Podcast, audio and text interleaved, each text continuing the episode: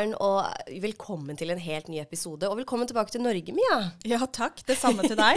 Tusen takk. Ja. Vi har vært på tur. ja, det har vi. Ja, Skal vi fortelle ja, hvor du- vi har vært? Ja, det syns jeg du skal gjøre. Ja, Apotera har vært uh, en tur i NIS. Ja. Ja, så vi dro uh, ja, på torsdag og landet igjen uh, i går. Eller altså på søndag, da. ja. Så det har vært en veldig innholdsrik og fin tur. Også så fint vær vi har hatt. Ja, virkelig sommervær. Skikkelig sommervær. Men um, jeg følte nesten at jeg gjorde noe litt ulovlig da jeg var ute og reiste nå. fordi det, det er jo så lenge siden sist. Og jeg følte at det fortsatt var litt sånn Noen var veldig flinke med å gå med munnbind, andre ikke, inkludert meg selv. Uh, og jeg følte liksom at eh, Nei, jeg gjorde noe litt ulovlig. Ja, Ja, gjorde du det? litt. Eller i hvert fall at ting ikke var så naturlig. At det føltes ikke like naturlig. Nei, ikke sant? følte meg litt sånn øh, gammeldags. øh, Ville liksom printe ut litt papirer. Noe jeg liksom har tenkt i mange år at nei, det er totalt unødvendig. Mm. Så man føler seg kanskje litt rusten. Ja, Ja. ikke sant. Og så føler jeg eh, Vi måtte jo fylle ut sånn innreiseskjema, og vi måtte liksom ha vaksiner på plass og bla, bla, bla. Og så var det ingen som sjekka noen ting. Nei, du sa du ble ganske skuffa over det. Ja, jeg du hadde, var så klar, du. jeg hadde stifta sammen reisedokumenter og hadde Ja. lyst til å liksom gå bort til en skranke og bare Ja, men se da, jeg har faktisk gjort det jeg skal. Men Ja. det var jo ingen som brydde seg. Det var ikke det. Nei. Men det er verdt å ha alt klart uansett, da. Det er en klar Men- oppfordring. Ja, ja, ja.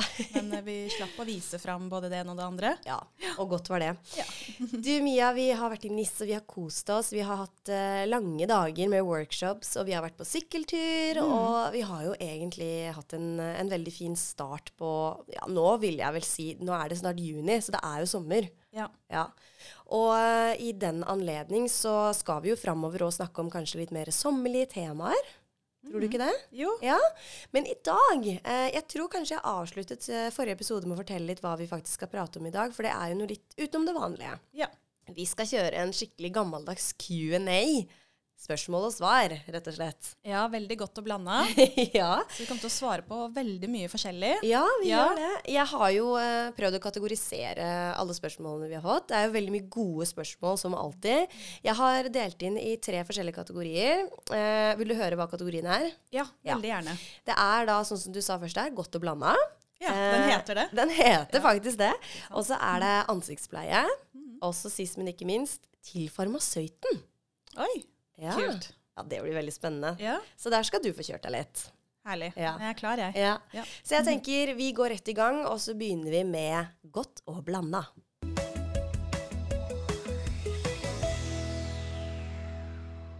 Hei, kan dere svare på hvorfor myggstikk klør? Rett på sak. Nå er det vel ikke så mye mygg enda, men den kommer sånn plutselig. Mm -hmm. Jeg ble stukket av mye i NIS. Ble du det? Ja, beina mine var helt spist opp etter Ja. at vi hadde vært på en sykkeltur. Men når du sier det, jeg merket at det var et eller annet oppå Ja. altså, hodet den Ja. ene kvelden. da. Ja, Ja. og det klødde. Men hvorfor i alle dager klør det egentlig? Ja, Kort forklart så er det spyttet i myggen som gjør at det begynner å klø så intenst. Ah. Eh, så når eh, myggen stikker for å suge blod, så blir det en type eh, liten reaksjon sånn lokalt Mm. som fører til at det begynner å klø, det blir rødt og litt hovent. Mhm. Og så er det gjerne sånn at det er vanskelig å la være å, å klø, men når Ja. du først klør, så har man en tendens til å kjenne at det blir enda verre.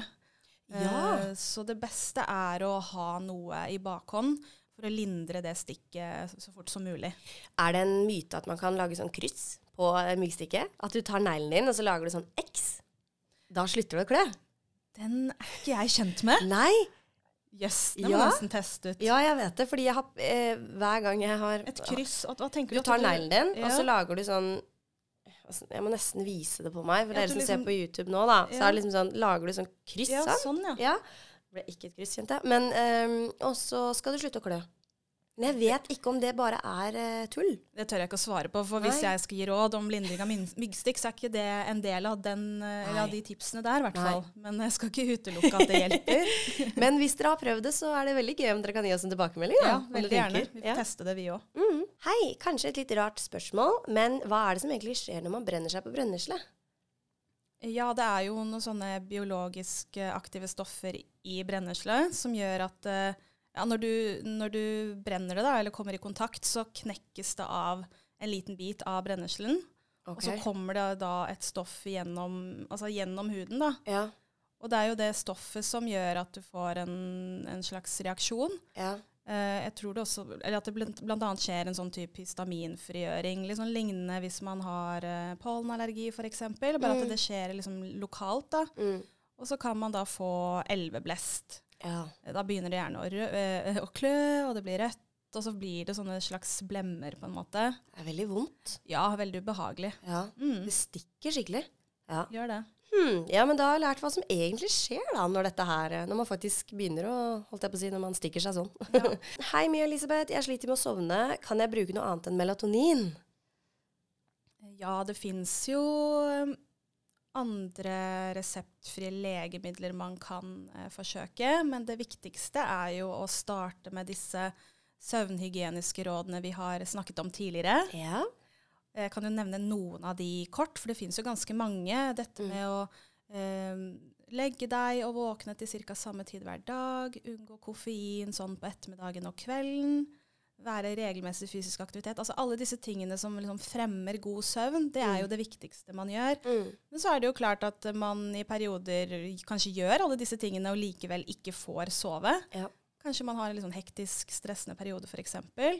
Og da kan man jo forsøke med reseptfrie legemidler du får kjøpt på apoteket. da, Så spør, spør om råd. Men Mm. hvis det blir langvarig, så er det veldig viktig å, å snakke med lege for å få mer god, grundig oppfølging og, og behandling. Hør gjerne på eh, vår eh, episode som faktisk handler om eh, melatonin. Ja, Der får dere mange gode tips og råd. Mm. Tror dere Ok, vet du hva, Mia? Det, det spørsmålet her syns jeg er veldig, veldig interessant. Okay. Um, tror dere på at vi mennesker oppfører oss helt i tråd med stjernetegnet vi er født i? Ja, det syns jeg var et litt interessant spørsmål. Jeg tror jo egentlig ikke det. Nei. Men jeg har jo lest en del horoskop når jeg var yngre. Jeg Ja. husker det var veldig gøy. Jeg følte det alltid stemte, ja, det som sto der. Er det sant? Men det var, så var jo ikke det sånn der Det det var jo Hva het disse her ungdomsmagasinene? Sånn Topp og Ja. Ja, det var sånne jentemagasiner. Ja, så, altså, det sto jo liksom ikke noe sånn der kjemperevolusjonerende. Men kjente meg kanskje litt igjen på personligheten, da. Det var jeg jo litt om kjærlighet og litt om Ja. ja, Ja, ja, lykkedagen din og du, du, du. ja. Lykketallet ditt og um, Ja. Jeg, jeg har jo sett uh, en del sånn i sosiale medier, da. Um, hvordan f.eks. en uh, kreps eller en jomfru eller en vannmann oppfører seg i gitte situasjoner. Um, jeg syns det er veldig veldig gøy å se når det er noen som velger stjernetegnet mitt, fordi jeg kjenner meg veldig godt igjen i måten det fremstilles på. ja. Så jeg, jeg tror kanskje til en viss grad, men ikke sånn helt ut, holdt jeg på å si. Nei. Nei, men jeg husker det, for jeg er jo jomfruen. Du er jomfruen. ja. Jeg husker at det, det stemte veldig godt, i i hvert fall når jeg var litt sånn interessert i det Ja. i barndommen. ja. Men Ikke eh, det er vanskelig å si det der. Det er veldig interessant, altså. Veldig, veldig spennende. Og så eh, er det en som spør her, er dere overtroiske? Ja, hva er det personen legger i det? Da må jeg også igjen svare i utgangspunktet nei. Jeg prøver som regel å finne en logisk forklaring på alt som skjer. Mm. Jeg er jo sånn av natur, ikke sant. Har uh, vært veldig glad i naturvitenskapelige fag, hvor du da gjerne finner liksom forklaringer på Mm. hvert fall det man har en forklaring på. Det er ikke alt man, det finnes en forklaring på. Nei. Men uh, så svaret er egentlig nei. Men så er jeg jo f.eks. veldig redd for typ skrekkfilmer og det overnaturlige likevel. Så Ja. det er vel kanskje ikke sånn 100% nei heller. Nei, ikke sant? Hva med deg? Jeg er veldig overtroisk. jeg er veldig, men, men jeg er også sånn som du sier, da, at jeg prøver jo alltid først å finne en eh, forklaring på det som skjer. Og når jeg ikke gjør det, da glir jeg veldig over i det å liksom Oi, dette er jo kjempespesielt. Um, samme som deg, også veldig sånn redd for ting. Så, eller redd for uh, spøkelser, uh, skumle filmer og sånn, men jeg elsker jo å se på det. Ja, det var det jeg skulle si. Forskjellen der da, mellom Ja. oss to er at du, du, du blir litt sånn oppslukt. Altså, du, du går mot det, mens jeg Ja, bare ja, holder meg langt unna. Du er lur. Jeg er mer sånn Der og da tenker jeg at det her er superspennende, og så får jeg alltid en smekk på hånda når jeg skal legge meg samme kveld. Ja. Så ja, nei, det er jo kjempespennende det her med det overnaturlige. Og kanskje vi må ha en sånn egen episode om det når det nærmer seg halloween igjen. Ja. Ja, Åh, nå er det fortsatt en stund til, men det gleder jeg meg til. Ja, jeg også. Men jeg tenker også, jeg vil bare legge til at eh, jeg har alltid vært glad i å finne forklaringer på ting og ha litt sånn kontroll. Ja. Men med årene så er jeg blitt mer glad i at ting kanskje er litt sånn ukjent og ikke alltid Ja. vite helt hva som skjer. Og, Jeg tror definitivt at det er mer mellom himmel og jord enn det vi mennesker kan bevise. Om det nødvendigvis er spøkelser eller eh, hva heter det, sånne aliens og sånn, det kan ikke jeg si noe på. Men, men det må være noe mer enn det det, som, bare vi. eh, ja, det er akkurat som luft. Du ser den ikke, men den er jo der. Nettopp. Mm. Ja, ja. Veldig artig spørsmål. Hei, jeg ville bare takke for gode råd jeg fikk i forbindelse med russetiden. Jeg var en av dem som sendte inn spørsmål angående ensomhet, og rådet hjalp veldig. Det var Åh. veldig hyggelig. Ja, Ja. veldig hyggelig. Godt å høre, Ja. og veldig hyggelig at du deler det med oss. Det Ja. setter vi veldig pris på. ja, for det er jo én ting at eh, det vi svarer på Vi vet jo ikke om kanskje vedkommende faktisk hører det eller får det med seg, og da er det så koselig med sånne tilbakemeldinger. Ja, veldig fint. Hei, jeg sliter mye med munnsår og tåler typ ingen leppepomade eller leppestifter. leppestifter. Har dere noen råd? Ja, det kommer jo litt an på hva slags type munnsår vedkommende har. Ja. Mest sannsynlig er det jo snakk om sånn type eh, herpes simplex-sår. altså Mm. Det er jo sånn typisk forkjølelsessår, men det Mm. kan jo være at vedkommende også bare sliter med at man ofte får sprekker i munnviken og er veldig sånn tørr på Mm. leppene. Så det Mm. også er, fører jo ofte til at man blir sånn sår på leppene. Mm. Så det er jo sånn ulike, ulike måter å behandle på, da. Men eh, det gjelder jo å finne gode pleiende produkter, gjerne uparfymerte. Det finnes mange gode varianter på apotek, så bare Mm. ta kontakt med oss, så Ja. kan vi hjelpe deg. Mm. Mm. Eh, men eh, er det sånn langvarig problem? Det kan jo skyldes f.eks. vitaminmangler, og stress kan jo føre til at huden reagerer litt ekstra. Så Mm. kan man, det er jo litt sånn greit å finne litt ut av hva, eller finne, prøve å finne ut av hva årsaken er òg, da. Ja. Mm. Jeg er helt, helt enig. Og så vil jeg legge til at um, jeg er jo veldig sånn Uh, litt i samme gata, egentlig. Tåler veldig lite leppestifter og lipglosser. Jeg tror nok jeg tåler det til en viss grad, og så begynner jeg å henge meg veldig opp i at jeg har litt sånn løs hud, og så river jeg det bort, og så blir det sårt. Ja. Så det jeg har lært meg til, da, er at jeg smører inn uh, leppene med masse fuktighet, holdt jeg på å si, eller masse sånn balm før jeg legger meg. Mm. Så slipper jeg å gjøre det her, for da er det jo myke når jeg våkner. Ja. så Veldig, veldig fint at du nevner det, fordi Ja. da får det produktet virket godt i løpet av natta, uten Mhm. at du verken spiser eller Ja. tar på leppene, kommer borti osv. Så, videre. så det er et veldig godt tips. Så det er jo absolutt verdt å prøve. Mm. Siste spørsmålet innenfor godt og blanda er hva er skabb? Eh, Ja. Skabben, ja. Skabb er en uh, hudsykdom som Mm. er forårsaket av en sånn type uh, skabbmidd. Ja. Og det er da smittsomt. Og det den skabben gjør, er at den liksom kravler seg eh, under hudoverflaten og lager sånne ganger, og det, det fører jo da til sår. Eh, og grunnen til at de lager disse, gang, disse gangene, er jo fordi de da legger egg. Eh, og det begynner jo da etter hvert å klø veldig mye. Og de sårene kan jo du da også se. Så um, hvis man mistenker at man har skabb, så er det veldig viktig å, å oppsøke behandling. Du kan absolutt spørre apotek om råd, eh, men eh, man bør gjerne få en lege til å, til å se på det. Mm. Eh, det fins eh, enkel behandling, reseptfri behandling, men det er veldig viktig å, å følge liksom, bruksanvisningen nøye. Altså, Det er kjempeviktig.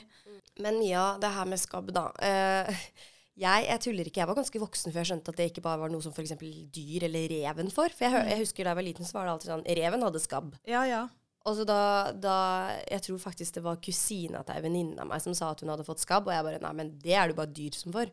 Men mennesker får det også, skjønner jeg. Dessverre. Ja. Og det er som sagt smittsomt. Det er ikke Ja. sånn det, det er, Måten det smitter på, er jo ved direkte hudkontakt. Ja.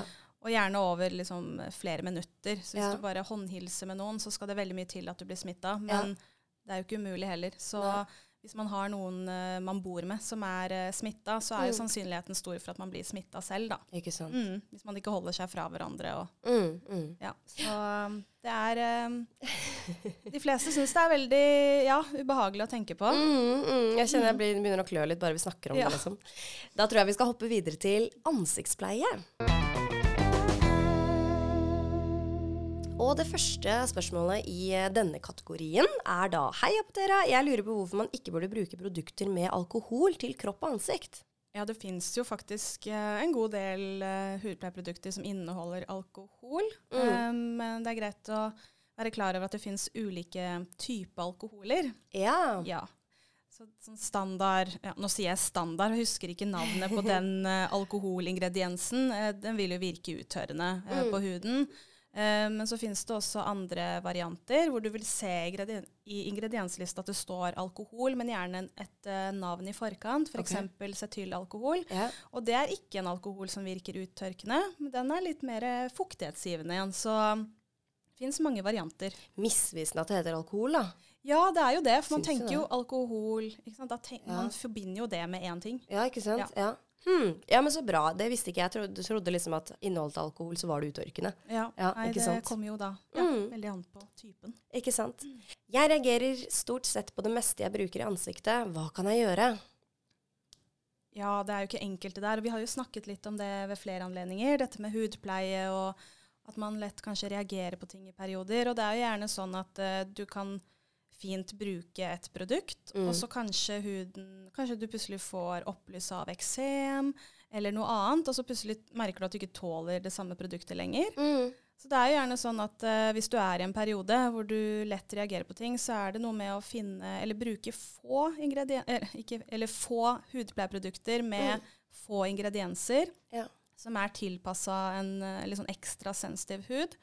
Og så holde deg til det, i hvert fall i den perioden hvor du er ekstra utsatt. Ja, og så er det jo samme med renseprodukter også. Det fins jo masse forskjellige fancy produkter, men hold, hold deg til sånne milde, gode produkter eh, Mm. hvis du er veldig utsatt. Ikke sant? Har du noe å legge til der, eller? Som du Jeg er jo en av de som reagerer eh, spesielt mye i pollensesongen. Ja. Da er det både ansikt og kropp som får kjørt seg. Eh, jeg jeg bruker veldig mye aloe vera gel. Sånn som er typ, Jeg kjøpte meg en ny en i NIS nå, faktisk, som var 99 Ja. Jeg har en tidligere som er 98 um, Det fungerer strålende på min hud. Det lærte jeg av min bror.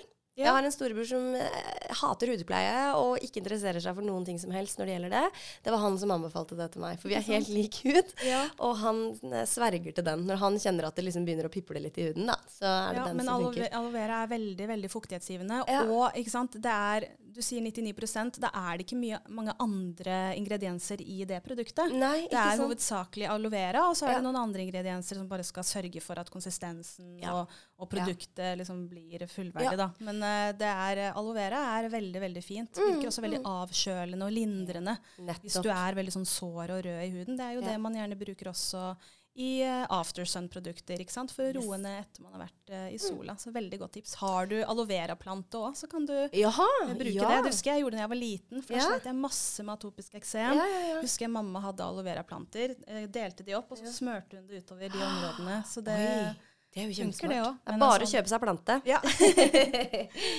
Hvor ofte bør man bruke et fuktighetsserum? Det kan du jo bruke daglig. Um, gjerne morgen og kveld hvis du kjenner at du trenger det, eller én gang om dagen. Mm. Ja. Ja, ikke så veldig mye mer å si om det. Enkelt og greit.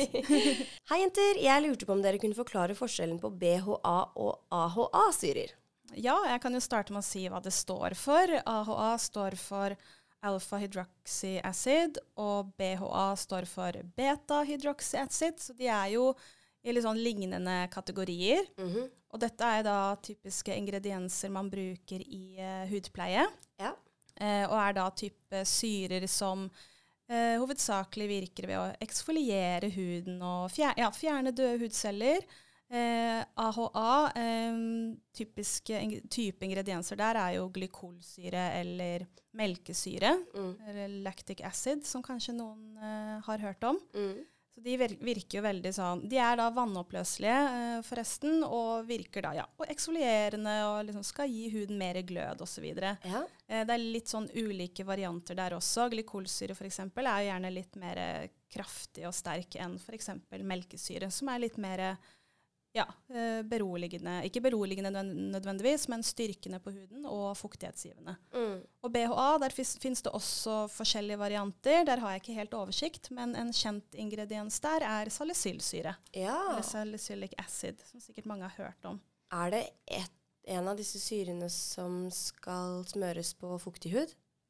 Det Stemmer kan, det? det kan nok være AHA, for den er vann, Ja. vannbasert eller Ja, okay. mm -hmm. ja, Mhm. for jeg, jeg har sett det har kommet noen sånne der, litt sånn pekefinger fra hudterapeuter på TikTok bl.a. Sånn der, de som eh, påfører den syra på tørr hud, hvordan kan dere gjøre det mot huden deres? Det har jeg ikke helt forstått. Da kan det være AHA, men altså, det kan være at jeg tar helt feil nå. Så, Ja, ja. fordi Ja, er BHA er mer fettløselig. Okay, eh, så det kan ha noe med det å gjøre. Men så vet jeg også at salicylsyre er veldig vanlig i, i renseprodukter også, Ja, hvor man da skal ha fuktig hud. Så vet du hva, det der må vi nesten sjekke litt nærmere opp. gjøre. Kanskje du. dere som har fasiten kan sende det Ja, til oss. ja, Mm. veldig gjerne. Så er det noen som spør her, eh, og det ene ordet her, Mia, det kvier jeg meg litt for å spørre, eh, uttale. Det er bare å prøve. Jeg har uttalt det feil, og da rettet du på meg i hvert fall eh, tidligere her. Men Å. jeg skal prøve en gang til. Hva er egentlig niacinamid og retinol? Ja, det hørtes ut som du sa det riktig. Si det men du, da. Niacinamid? Ja, det var ikke så gærent, det. Nei, det er i hvert fall sånn jeg sier det, da. Ja, ok, ja, men så bra. Hva er det for noe? Det er eh, et typisk, eh, typisk ingrediens i hudpleie. Det er en type B-vitamin. ok, Og den har blitt, eh, eller i hvert fall sånn jeg har skjønt det, da, så har den blitt ganske populær. Og det er fordi den gjør veldig mye forskjellig for huden. mm. Det er en ganske typisk ingrediens i hudpleie som skal jevne ut hudtonen, hvis man f.eks. har liksom pigmentforandringer og sånn. Den skal jo ikke fjerne eh, pigmenteringer, det, det klarer den ikke, men den kan bidra til å jevne ut. Mm. Den er også talgregulerende, har jeg lest. Ja, jeg bruker, jeg bruker produkter med den der Ja. Av huden min. Så den gjør mye forskjellig. Den er beroligende, skal virke talgregulerende, jevne, jevne ut hudtonen. Så den gjør veldig mye, veldig mye bra for huden. Ikke sant? Mm. Retinol, da? Ja, retinol er en eh, litt sånn ekstra aktiv eh, ingrediens. Det er en type A-vitaminsyre. Eh, Det den gjør, er å ja, virke eksfolierende. Det er en ganske sånn eh, veldokumentert ingrediens i hudpleie. Så det er sånn Mm. typisk anti-age-ingrediens, kan man si. Ok, ja. Så den er eh, litt mer sånn aktiv. Er du veldig, veldig sensitiv i huden f.eks., så skal man være litt forsiktig med å bruke det. Ikke sant. Eh, Ja. Det er mulig å bruke det, men at du da starter litt sånn forsiktig. Kanskje Mm. smøre på veldig tynt én til to ganger i uken, og ikke være, ja, være for ivrig, ivrig der. Ikke sant. Og så er det viktig å bruke solpleie da, når man Mm. bruker eh, retinol. Ja. Fordi man blir mer eh, solsensitiv. Mm, mm. Mm. To Veldig populære ingredienser i hudpleie. Veldig. Så er det noen som spør her, må jeg rense huden min hver kveld og morgen? Jeg tenker at det aller viktigste er å rense huden eh, grundig på kvelden. Og det er fordi du både fjerner sant, eh, smuss og forurensning som har lagt seg på huden. Kanskje du bruker sminke. Um, ja, rett og slett fjerne alt. Altså, tenk deg hvis du tar deg en dusj, så er det jo naturlig å bruke såpe. Og ikke bare Ja, vaske ja, seg ja. med vann. Så liksom det å virkelig fjerne alt som har lagt seg på huden i løpet av dagen. Men det er også anbefalt å rengjøre huden om morgenen. Mm. Da tenker jeg Hovedårsaken til det er at du da ja, kanskje du har svettet litt gjennom natten Mm. og lagt seg litt døde hudceller som du gjerne kan fjerne, slik at det du da påfører etterpå, virker bedre. Mm, ikke sant. Ja. Så morgen og kveld er fint. Jeg vet jo at de som sliter med veldig veldig tørr hud, anbefales å ikke vaske huden om morgenen, men heller bruke en, en god fuktighetsmist. Mm. Eh, så det er jo absolutt en mulighet. Jeg Absolutt. personlig er sånn som må vaske ansiktet. Det er det siste jeg gjør før jeg legger meg, og det er det første jeg gjør når jeg står opp. Ja, det Ja. går fint, det òg. Ja. Det viktigste er at du påfører ja, godt med fukt Mm. eh, og pleie etter, etter du har renset huden. Veldig sant. Hei, så moro med spørsmålsrunde. Jeg lurer på hvordan det er mulig at man kan være både fet og tørr i huden samtidig. Ja, det der høres veldig utfordrende ut, for jeg personlig er jo som regel bare tørr. Ja. Så det er, liksom, det er det jeg må forholde meg til. Jeg, jeg, er, jeg er motsatt, da. Eller jeg Ja. er sånn som det her. Jeg Ja. kan både være fet og tørr i huden samtidig. Ja, og da har du gjerne en eh, fet hudtype, men kanskje du har eh, tendenser til å være dehydrert. Ja. Og da Det som skjer da, er at du mangler fukt, men du mangler fukt i form av eh, vann, da, og ikke fett. Ikke sant? Altså du har nok ja. av fett, men Ja. du trenger mer vann. Ja. Og da fins det jo gjerne fuktighetsserumer osv. som hjelper til med å liksom øke fuktigheten i huden uten Mm. å gjøre den mer, mer fet. Og så kanskje drikke masse vann. Kan det hjelpe Ja. eller? Nok vann er viktig, ja. Uansett. Alle monner drar. Jo, men du kan jo tenke deg at det, huden er jo det siste organet som kroppen tar hensyn til, faktisk. ja, ikke sant. Så hvis du ja, drikker for lite, så kan det absolutt gå utover huden. mm, For det er mm. viktigere at de andre organene inni kroppen får nok væske. Ikke sant. Mm. Mm. Det siste spørsmålet i denne kategorien, Mia, er hvilken ingrediens er best mot kviser? Ja, der er det jo Vi har snakket, eller vært litt innom noen ingredienser allerede. Salicylsyre f.eks. er jo veldig godt egna fordi den um, ja, eh, fjerner døde hudceller og hjelper på liksom, å dempe talgeproduksjon osv. Men så har du også retinol, som er fint, og andre liksom eksfolierende ingredienser. Og så nevnte vi også niacinamid, som også er talgregulerende, som egentlig har vært litt sånn nytt for meg. Så det fins mange ulike ingredienser. Det viktigste er jo at du finner produkter som du føler funker for deg, for der er det ikke alltid noe fasit. Nei, ikke sant. Det gjelder å prøve seg litt fram. Og spør selvfølgelig om veiledning, om det er noe dere lurer på. Ikke minst. Du, Mia, nå er vi på den siste kategorien her, og Ja. den heter Til farmasøyten. Hei, Mia Elisabeth. Jeg har et spørsmål til Mia, og det handler om studiet hun har gått. Må man ta en master for å bli farmasøyt? Eh, Nei, det må du ikke. Det fins to ulike grader. Du kan ta en eh, bachelor i farmasi eller en eh, master i farmasi. Og da blir du autorisert eh, helsepersonell og farmasøyt eh, uansett. Men eh, master er jo da et lengre studie. ikke sant? Du har en masteroppgave som er mer omfattende osv. Eh, Du kan også bli eh, daglig leder i apotek hvis du tar master. og Da blir du såkalt apoteker. Det kan du ikke bli ved å ta en bachelor. Men du kan da Du blir eh, ekspert på, på legemidler og Mm. ekspert på å hjelpe, hjelpe kunder, uavhengig av eh, grad. Eh, og veldig spennende uansett, da. Men det Mm. er jo sant, ulike lengder. Du får også praksis eh, i apotek, Mm. eh, både når du tar eh, bachelor og master. Ja, ikke sant. Så jeg vet ikke om det var oppklarende, men det var sånn veldig kort forklart, da. Jeg syns det var veldig bra svart, Mia. Det der har jeg lurt på, jeg har ikke skjønt at det var mulig. Hei, jeg er nå på tredje året på masteren min og kjenner at jeg begynner å miste motivasjonen. Har dere noen gode tips? Her, her tror jeg begge kan komme med gode råd. Men jeg vil bare starte med å si dette med motivasjon. Eh, Jeg kjenner jo veldig godt i det der. Det er, man har jo ikke nødvendigvis motivasjon hele veien, uansett hva man gjør. Mm. Og jeg tror man bare må ha fokus på hva er målet mitt? Altså hva er grunnen til at jeg studerer dette her? Eh, og hvis du kjenner at, vet du hva, jeg ønsker å komme til det målet, selv om den er litt tung, så har du jo på en måte en motivasjon der. Mm. Men hvis du mister motivasjon fordi dette er egentlig ikke noe for meg likevel, så er det et tegn på at du kanskje må revurdere litt, da. Ja. Om du skal fortsette eller ikke. Mm, Jeg syns ikke man bare skal slutte med det første, men virkelig liksom tenk, ta en sånn fot i bakken med deg selv. Tenk liksom over hvorfor gjør jeg det her? Er det fortsatt dette jeg vil? Ikke sant? Det er veldig sånn uavhengig av hva du studerer eller hva du gjør, egentlig. Om det er i jobb eller studier. Absolutt. Og så tenker jo jeg jo at dette her med motivasjon, det går jo så i bølger. Eh, en uke kan man være supermotivert og supergira, en annen uke så kan man føle at herre min, jeg orker ikke en eneste dag til på studiet.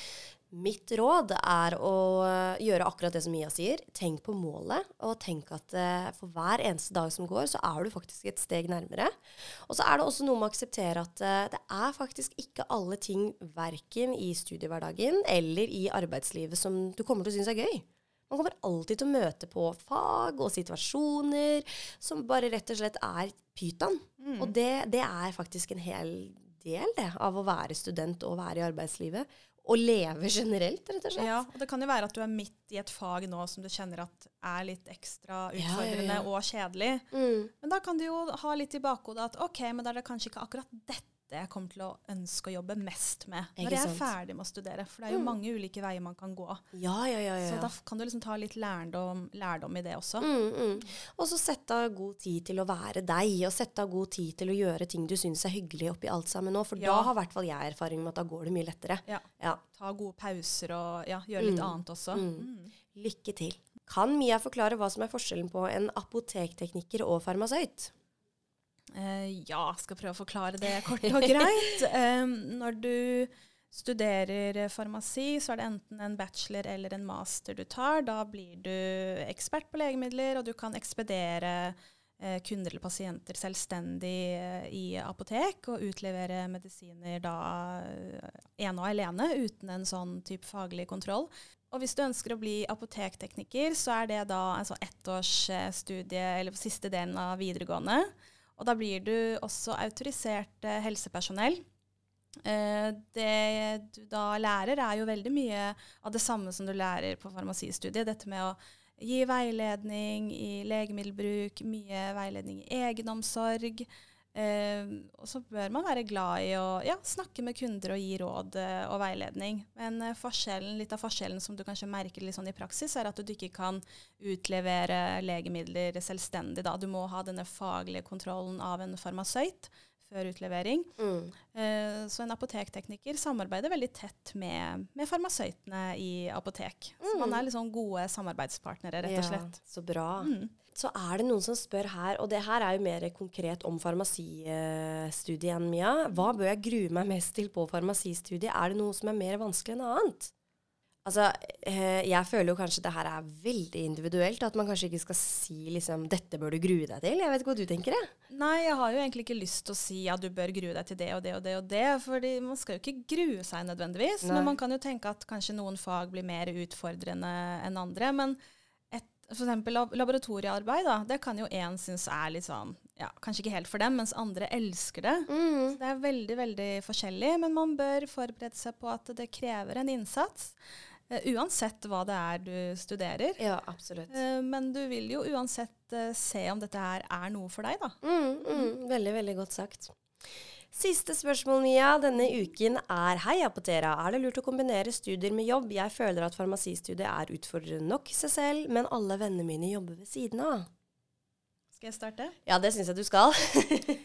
Jeg personlig er veldig for å, å jobbe ved siden av studiene. Og grunnen til det er at da får du virkelig et in, altså du får virkelig innsikt i det å være i arbeidslivet, det å samarbeide med andre, det å ikke minst liksom få brukt de evnene du har, og utvikle de, og ikke minst bruke det du lærer underveis i studiet. Mm.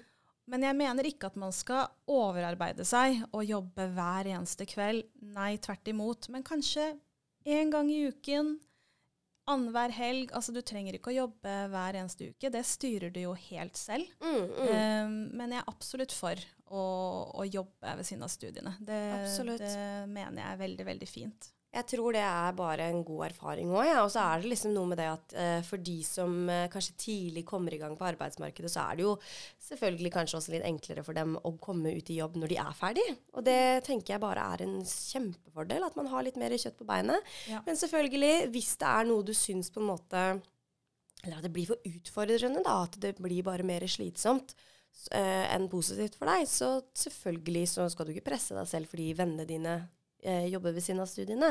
Nei, godt poeng. Ikke gjør det fordi andre gjør Nei, det. Gjør det, det fordi du kjenner at dette er noe som jeg mener vil Ja. hjelpe meg på veien. Helt enig. Ja. helt enig. Mm. Og så er det sånn som Mia sier, det trenger jo ikke å være hver kveld, hver helg. Altså, ta det litt nå og da, og sørg for at du har en arbeidsgiver som viser forståelse for at du er student. For det er det dessverre veldig mange arbeidsgiver som later som at de er i starten.